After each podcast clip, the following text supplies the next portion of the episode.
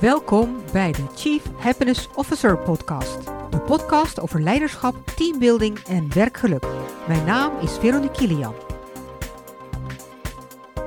Afdelingshoofd Ramon Dulle van de gemeente Rotterdam vertelt over zijn ervaringen met succesvolle zelforganisatie. Hoe geef je daar leiding aan? Naar aanleiding van mijn boek Leiding geven aan zelforganisatie, een paradox, bespreken we de elementen van een succesvol zelforganiserend team. Ramon geeft niet alleen leiding aan zelforganisatie bij de gemeente, maar ook bij een bijzondere plek. Hij heeft het lelijkste plekje van het dorp, letterlijk een ruïne, veranderd in het mooiste plekje van het dorp met de inspanningen van een zelforganiserend team. Door leiding te geven aan zelforganisatie werd het mogelijk om, zelfs zonder geld, een bijna onmogelijk project tot leven te brengen. Een project dat naar inschatting 1,2 miljoen euro zou kosten, namelijk de restauratie van de korenmolen De Recht. Inmiddels draait de molen letterlijk en figuurlijk op een goed draaiende gemeenschap met mooie opbrengsten voor het dorp. Het project heeft de aandacht getrokken van tv, radio en kranten en ze hebben een prijs gewonnen van 50.000 euro. Hoe is dit project toch zo succesvol kunnen worden? Hoe is het om leiding te geven aan deze zelforganiserende gemeenschap? Hoe heeft deze zelforganisatie zich ontwikkeld in fases en hoe is het nu? Dit is deel 1 van het interview. In deel 2 gaan we verder in op de vraag hoe Ramon leiding geeft aan zelforganisatie bij 1000 tot 1500 mensen bij de gemeente Rotterdam. Meer over Korenmolen de Recht vind je in de show notes. Voordat we verder gaan, wil ik je de kans geven om een van mijn drie boeken te winnen. Ik heb een boek geschreven over teamcoaching, één over werkgeluk en één over leiderschap. Wil je een van deze boeken in handen hebben? Deel deze podcast dan in je social media en tag mij. En schrijf erbij welk boek jouw interesse heeft. En wie weet win jij dan het boek. Meer informatie over deze boeken vind je op trainjegelukscompetenties.nl en in de show notes. Ramon, welkom. De Chief Happiness Officer podcast. Dankjewel. En uh, we zijn hier op een hele bijzondere plek, namelijk in de molen. Uh, wil je wat vertellen over deze plek? Ja, dit is een hele bijzondere plek en zeker voor mij, omdat we staan hier in een hele oude korenmolen van uh, 300 jaar oud. En als je hier uh, 20 jaar geleden zou staan, dan zou je eigenlijk een vervallen ruïne zien. Twintig jaar geleden hebben ik en mijn vrouw uh, het oude molenaarshuis, het pakhuis en deze molenstomp gekocht. En we hebben eigenlijk als particulier kan je niks met een molenstomp. Ze hebben hem gelijk ondergebracht in een stichting. En we zijn met een aantal enthousiastelingen uit het dorp, een klein clubje, zijn we uh, enthousiast aan de slag gegaan en hebben we plannen gemaakt om er weer een oorspronkelijke korenmolen van te maken. Mm. En zoals je nu ziet, is het weer een fantastische korenmolen bij de entree van het dorp, waar ja, iedereen heel trots op is. We hebben een molenwinkeltje, we hebben af en toe een trouwerij in de molen. We hebben hier programma's voor scholen, scholenprogramma's, een mooi terras. Dus het is iets waar ik heel trots op ben, zeker. Nou, dat kan ik me voorstellen, want ik heb de foto's gezien van toen de molen nog een molenstom was. Dat ziet er ook echt letterlijk uit als een soort van kaars die uh, een tijdje gebrand heeft. En waar dus ook gewoon niks op staat, hè? geen wieken en... en echt inderdaad een ruïne. Ik zeg, ik zeg wel eens, ja, het was eigenlijk het lelijkste plekje van het dorp. En ik vind het nu zelf het mooiste plekje van het dorp. Dus daar is eh, heel veel gebeurd, zeker, ja. Nou, geweldig, want we zijn hier niet zomaar bij deze molen. Want deze molen wordt gerund door een zelforganiserend team van vrijwilligers. En nou, dan kunnen we meteen even daarop ingaan. Want wat zijn volgens jou de kenmerken van een zelforganiserende gemeenschap? Nou, kijk, in jouw boek staan, en je beschrijft dat heel mooi aan de hand van elementen. Hè? Dus er zijn een aantal elementen die jij beschrijft. En die eh, zijn in dit team, in dit vrijwilligersteam, ook echt heel nadrukkelijk terug te vinden. Uh, het begint natuurlijk allemaal met bevlogenheid. Het begint met passie. Het begint met een gezamenlijke purpose. En dat heeft iedereen die hier als vrijwilliger rondloopt, heeft dat. Dat is natuurlijk het vuur, zoals je dat ook beschrijft in je boek. We hebben echt met elkaar het gevoel dat we hier iets moois aan het doen zijn. Dat we geschiedenis aan het schrijven zijn. Dat we deel zijn van een groter geheel. We beseffen ons heel goed dat we hier iets neergezet hebben wat er misschien over 100 of 200 jaar nog staat. En wat er staat dankzij ons. En dat is wat jij in jouw boek ook heel mooi beschrijft, aarde. Hè? Dat is echt, uh, nou ja, vooral die verbinding, die grote betrokkenheid naar elkaar. En dat onderdeel zijn van een, uh, een groter geheel. Het is ook belangrijk dat de rollen helder zijn. Uh, we hebben hier allerlei type mensen in onze club. we hebben molenaars, we hebben leerlingmolenaars, we hebben techneuten. We hebben mensen die de administratie doen. We hebben mensen die zelfs, zou je niet zeggen, maar in een molen de ICT doen. Want we hebben een molen-app waarin je van alles kan zien over de molen. Hoe hard die draait. We kunnen elektriciteit opwekken. Dus eigenlijk al die mensen hebben een eigen rol, een eigen teamrol. En dat is heel mooi dat die ook binnen die eigen rol uh, gewoon helder hebben wat hun taken en verantwoordelijkheden, maar ook wat hun grenzen en hun kaders zijn. En dat is wat jij heel mooi in je boek beschrijft, het metaal. Ja. Nou, dan is het natuurlijk een club waar we lief en leed delen. Het is ook echt een club waar uh, nou ja, soms ook mensen overlijden, waar we feest vieren met elkaar, waar we huilen en lachen met elkaar. heel veel verbinding.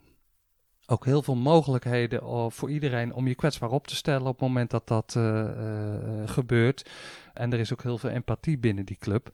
We hebben ook heel veel leuke feestjes. Hè? Dus we hebben een voorjaarsbarbecue. We hebben een oktoberfest ieder jaar. We gaan karbiet schieten met oud en nieuw. Dus het is ook echt wel een hele mooie club. En dat is volgens mij ook water, hè? wat jij beschrijft als element in je boek. Zeker. Um, en het laatste, ja, dat is hout. Uh, en dat wil zeggen dat we allemaal op onze eigen manier bezig zijn met het ontwikkelen. We hebben, toen we begonnen hadden we één molenaar en vijf leerlingen. Nu hebben we vier molenaars en twee leerlingen. En uh, de, de volgende leerling wordt binnenkort ook alweer molenaar. Dus dat is heel mooi hoe dat doorgaat. We zijn hier begonnen met het maken van een kap. Uh, in een oude loods hier die we hier neer hebben gezet. De kap die op de molen staat. Daar is een, een deskundige oud molenaar die met pensioen was. Die heeft met alle vrijwilligers die hele kap gemaakt. En alle vrijwilligers hebben daar geleerd hoe ze moeten hout bewerken, hoe ze houtverbindingen moeten maken. Dus dat was eigenlijk een hele mooie leerschool voor uh, ja, heel veel vrijwilligers die hier uh, rondlopen. Dus uh, nou, dat is echt de verbinding met hout. En ook heel verbindend onderling. Zeker, ja. ja. ja. En ook heel mooi natuurlijk, ja. Nou, het is prachtig hoe je dit voor elkaar hebt gekregen, want ik heb me laten vertellen dat jij begonnen bent met z'n vieren of met z'n vijven, hè? En uiteindelijk is het een zelforganiserende beweging geworden. Terwijl eigenlijk in het begin er weinig mensen echt in geloofden. Dus kun je beschrijven hoe die zelforganiserende beweging tot stand is gekomen? Ja, ja.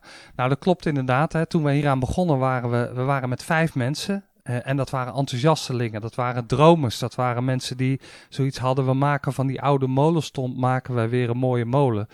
Maar als je ging kijken wat dat zou gaan kosten, dat zou meer dan een miljoen euro gaan kosten. We hadden geen geld, we hadden geen middelen. Uh, we hadden de uh, provincie, het Rijk en de gemeente niet mee. Want die hadden allemaal zoiets, ja, wat gaan jullie doen dan op die plek? En hoe zit dat met verkeer en parkeren? En um, uh, moeten wij daar dan een bijdrage aan leveren? Nog te veel onvoorspelbaar, hè? Wij, wij werden eigenlijk versleten als de idioten van het dorp. En iedereen zat echt te kijken, nou, heel benieuwd wat daar gaat gebeuren. En wat we vervolgens gedaan hebben, we zijn gewoon begonnen. We zijn gewoon begonnen. We hebben um, um, 25.000 ijzelstenen gekregen van een oude ruïne hier aan de overkant van de rivier. Er zit bij ons een directeur van een transportbedrijf in de stichting. Die is met een vrachtwagen. We zijn er met een club mensen naartoe gegaan. We hebben die stenen hier naartoe gehaald. En we zijn in de winter stenen gaan bikken. En iedereen die hier langskwam, die zag wat gebeurt daar? Wat zijn die mensen daaraan doen? En dat in de winter. En dat in de winter. Ja, we zijn uiteindelijk anderhalf jaar bezig geweest met stenen bikken. Dus dat ging door. Uh, we hebben hout gekregen van een sloper. 20 kuub hout. Daar hebben we met vrijwilligers hebben we dat hout bewerkt. We hebben de spijkers eruit gehaald. We hebben het gezaagd. We hebben er planken van gemaakt. We hebben er. Ja, en door dat op zo'n manier te doen, zie je gewoon op zo'n prominente plek in het dorp, hè, want het is de ingang van het dorp uh, zo is dat kleine vuurtje aangewakkerd tot een groot vuur. En kregen we aanwas van mensen die er ook in gingen geloven. Uh, we kwamen in uh, de pers, we kwamen in de kranten staan. we hebben meegedaan aan de Nationale Molenprijs en die hebben we gewonnen, 50.000 euro. En vanaf dat moment kwamen we op de radio. Bij Mattie en Wietse ben ik geweest. we kwamen op televisie bij Koffietijd. Uh, we werden benaderd door een, uh, een, bedrijf uit Friesland. Die zei: Mogen wij jullie molenzeilen sponsoren? Dus ik denk het enthousiasme, het aanwakkeren van het vuur. Uh, ja, dat heeft ertoe geleid dat we nu zo'n mooie club hebben en een complete molen hebben. Ja, en ook een lange adem als ik dat dan hoor. Anderhalf jaar stenen bikken. En deden jullie dat dan iedere dag of iedere zaterdag? Iedere zaterdag, ja. Iedere zaterdag deden we dat. En dan hadden we ook een bordje staan, vrijwilligers gezocht. Nou ja, dat is natuurlijk rotwerk, dus daar kwamen niet heel veel vrijwilligers op af. Maar um, uh, ja, het is, wel, het is wel mooi, want het is wel... Het, het, het werkt ook heel verbindend voor het clubje wat we toen al hadden. En er kwamen toen al wel de eerste vrijwilligers bij. En die vonden het ook mooi om daar een bijdrage aan te leveren. Dus zo is het wel begonnen. Gewoon gaan doen, ja. Nou, geweldig. En wat was voor jou uh, het moment dat je dacht van, goh, nou zijn we nu echt een zelforganiserende gemeenschap? Nou, ik denk dat we, we, hebben nu een club hè, van ongeveer 20 vrijwilligers uh, en dat is best een hechte club. En wat je ziet is dat die club uh, heel erg ook gewoon zelforganiserend is, omdat dat iedereen heeft zijn eigen plekje, iedereen heeft zijn eigen rol. Er zijn uh, hè, mensen die bezig zijn uh, met de molen. We hebben natuurlijk een club molenaars. Die zijn verantwoordelijk voor de molen, voor de veiligheid van de molen, voor het draaien van de molen. We hebben mensen die het terrasbediening verzorgen. We hebben mensen die zorgen dat het meel gemalen wordt, dat de meelproducten in de winkel liggen en dat die naar de bakker gaan. Uh, we hebben mensen die de administratie doen. ik doe zelf de administratie samen met mijn vrouw in de financiën. Uh, mensen die uh, het groenonderhoud doen. En het mooie is dat dat eigenlijk zonder dat we daar een hiërarchische structuur in hebben, dat dat heel mooi met elkaar samengaat. Ja, want hoe ontstaat zoiets? Zegt iemand dan van, goh, ik vind het wel leuk om de administratie te doen. Of heb je van tevoren een soort van functies ontworpen? Nee, daar hebben we dus helemaal niet over nagedacht. En we hadden ook nooit kunnen bedenken dat we een ICT'er uh, nodig hadden in deze molen. Uh, maar dat was gewoon een vrijwilliger die hier kwam om te helpen. En die is gewoon begonnen met uh, buiten helpen met onkruidwieden en met koffie schenken en dat soort dingen. En dat was iemand die een eigen ICT-bedrijf heeft gehad. dus die zei: Vinden jullie het leuk als ik eens ga nadenken of we misschien een app kunnen maken dat mensen ook kunnen zien hoe hard die molen draait? En we hebben een generator in de molen. Uh, zal ik eens kijken of ik aan die generator iets kan verbinden, zodat we kunnen zien hoeveel stroom die opwekt. En nou, dus dit soort dingen ontstaan omdat je met elkaar passie hebt voor uh, iets gezamenlijks, een molen. Maar uiteindelijk iedereen ook iets moois meeneemt. En dan in die organisatie, in die vrijwilligersorganisatie, kijkt waar komt dat het beste tot zijn recht. Dus het ontstaat gewoon.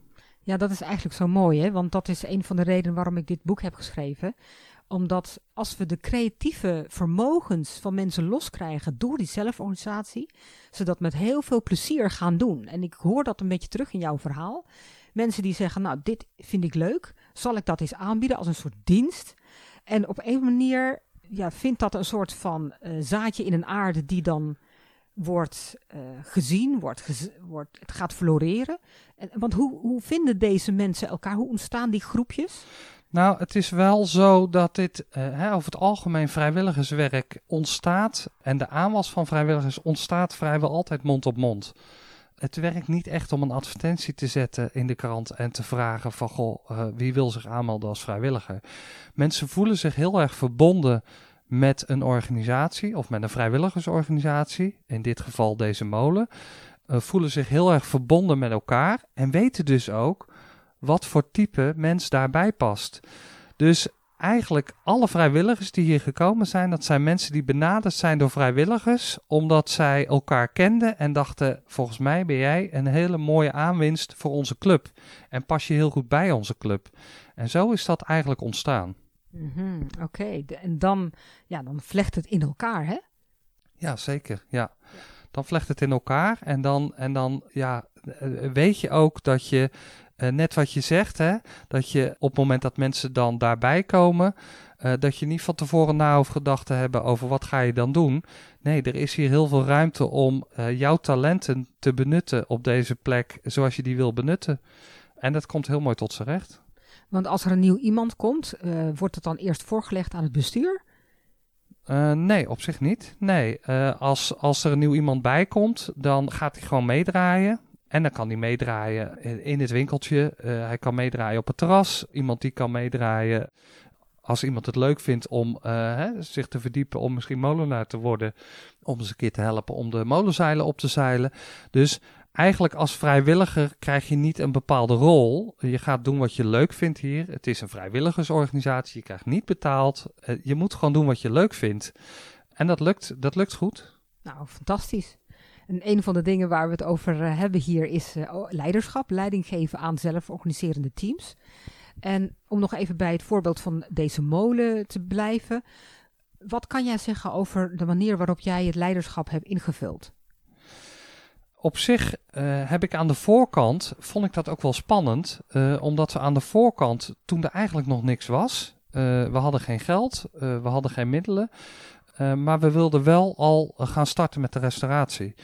En op een gegeven moment hebben wij uh, subsidieaanvragen ingediend, plannen ingediend. Hè. Dan kan je via de Rijksdienst voor het Cultureel Erfgoed en via de provincie kan je geld krijgen. maar het is een rijksmonument, dus die plannen moeten aan allerlei eisen voldoen. En je moet dat op de cent verantwoorden dat je dat op een goede, zorgvuldige manier doet.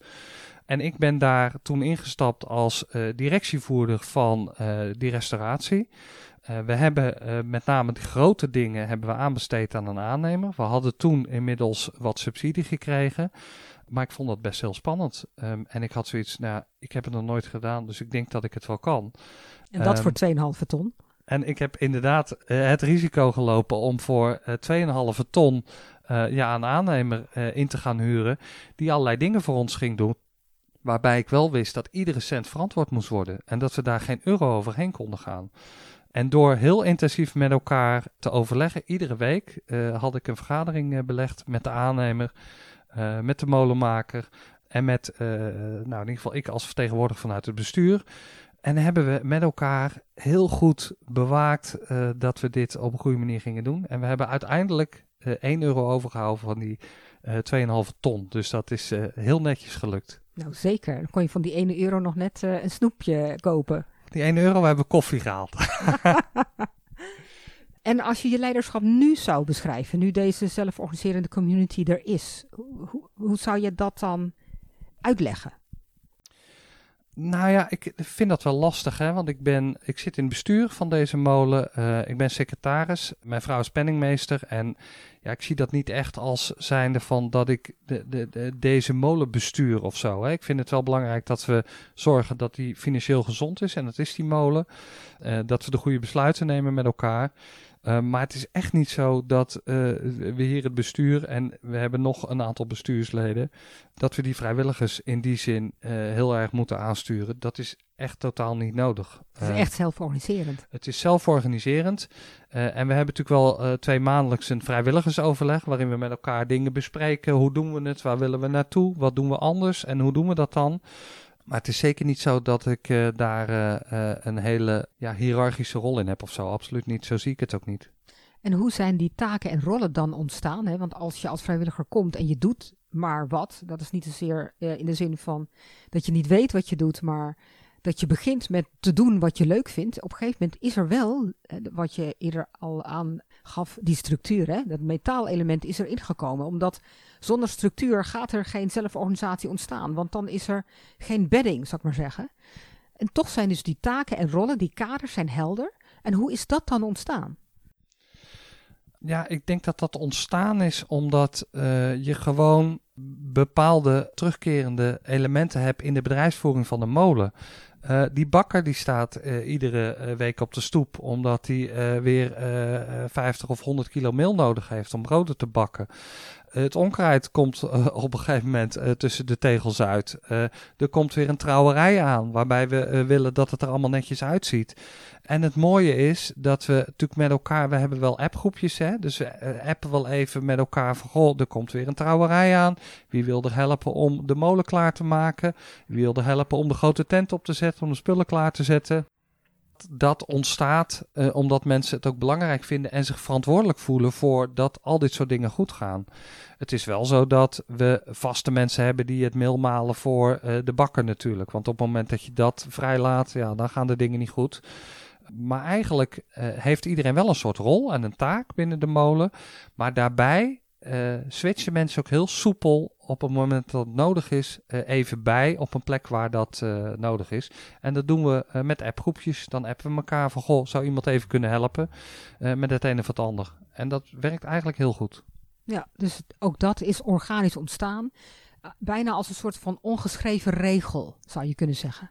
Ja, inderdaad. Ja, en ook vanuit de passie voor die molen en vanuit de verantwoording van, die iedereen voelt voor dat dingen goed gaan.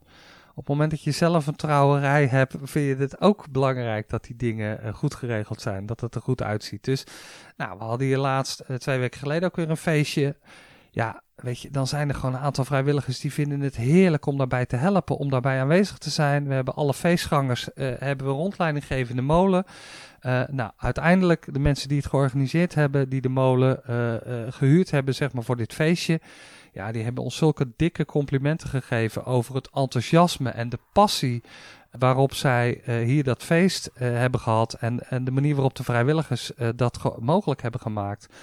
dus dat zijn hele mooie complimenten. Nou, zeker. En wat ik hier ook een beetje uit haal, en zeker als ik kijk naar jouw leiderschap, hè, leiderschap bij zelforganiserende teams, dat gaat niet gepaard met op de borstklopperij. Je kan niet tegen andere mensen zeggen: kijk, dit heb ik allemaal gedaan. En hè, als je uh, voor je ik gaat, dan ontstaat die zelforganisatie niet. Want mensen knappen daarop af, denk ik. Nee, dat klopt ook. En ik denk dat het ook alles te maken heeft vind ik zelf ook belangrijk als manager of, of, of, in mijn dagelijkse werk als manager. Dat je um, ja, uh, de, mensen het niet voor jou doen. Nee, uh, mensen doen het voor uh, het grotere geheel. En als manager zit ik daar ook zo in. ik vind het ook belangrijk om niet alleen dingen te doen voor mijn eigen afdeling. Ik vind het belangrijk om dingen te doen voor de organisatie. Of voor uiteindelijk het doel van de organisatie. Ja. Ja, want we gaan zo meteen de overstap maken naar jouw functie als manager bij de gemeente Rotterdam. Maar voordat we dat gaan doen, wil ik je nog even de vraag stellen. Als je kijkt naar de afgelopen jaren, heb je nog groeistuipen gehad in hoe deze zelforganiserende gemeenschap is ontstaan? En wat, en wat bedoel je dan met groeistuipen? Nou, bijvoorbeeld dat je denkt van, goh, nou, dat was wel even een issue waar we mee te maken hadden, moesten we even doorheen. Nou, dat, dat, ja, we hebben in de beginperiode hebben we dat wel gehad. We hebben hier een, uh, een, uh, een molenaar gehad, die is heel zijn leven molenaar geweest. Die heeft ook geholpen, eigenlijk heeft hij de kap gemaakt met alle vrijwilligers hier. en hij was natuurlijk de molenaar, ook op deze molen, toen die molen klaar was. maar daarnaast hadden wij ook een molenaar en dat was een vrouwelijke molenaar.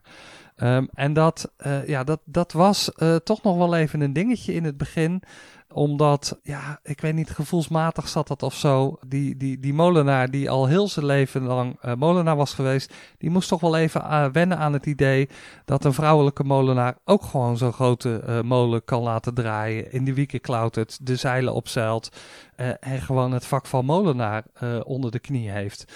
Dus nou, soms heeft dat nog wel tot wat bijzondere gesprekken geleid. Ja, maar daar zijn we gelukkig allemaal heel goed uitgekomen. Ja. ja. Oké, dus bijzondere gesprek bedoel je dan dat je hem erop hebt aangesproken? Of hoe is dat dan gegaan? We hebben, we hebben daar met elkaar wel, uh, ook wel serieuze gesprekken over gehad, inderdaad. Ja, dat het belangrijk is om elkaar te waarderen. Nog even los van het uh, man-vrouw zijn, of uh, dat maakt niet uit. Op het moment dat je ja, onderdeel uitmaakt van een gemeenschap, uh, onderdeel uitmaakt van zo'n vrijwilligersorganisatie rondom een molen, dan is het belangrijk uh, dat we elkaar waarderen, dat we elkaar respecteren en dat we daar niet uh, met bevooroordeeld in zitten, zeg maar. En daar hebben we goede gesprekken over gehad en toen was dat gelukkig ook, ook klaar was dat geen issue meer. Dus dat is gelukkig daarna helemaal goed gekomen. Nou, dat is wel fijn, want wat ik hoor is dat je een bepaalde waarde leeft, zal ik maar zeggen. En dat door erover te spreken, dat je die waarden ook daadwerkelijk vormgeeft. Het is een soort van bewaken van normen en waarden, zou je kunnen zeggen. Nou, zeker. Dat is heel belangrijk. En het is ook heel belangrijk om ja, uh, grenzen te bespreken met elkaar. Uh, en ook met elkaar te, te bespreken over uh, niet alleen hoe je zelf naar situaties kijkt, maar ook op hoe dat op de ander overkomt. En uh, nou, voor de een is dat vanzelfsprekend. En voor de ander is het goed om daar uh, nog even goed over door te praten met elkaar. Ja. ja.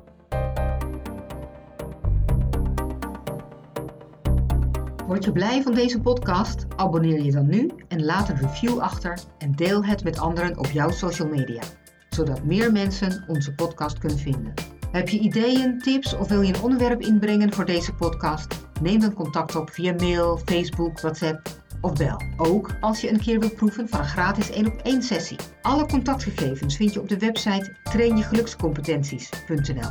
Hier kan je ook het boek Geluk op het werk, Train je gelukscompetenties bestellen. Wil je nou zelf aan de slag met werkgeluk? Volg dan de opleiding tot werkgelukdeskundige en Teamflow Coach. Op onze website vind je meer informatie over hoe we jou willen inspireren met ons netwerk. Wil je meer weten over concrete handvatten, praktijkvoorbeelden van andere organisaties of Chief Happiness Officers ontmoeten? Kijk dan in de blogs of kom naar een van onze events. Tot de volgende keer!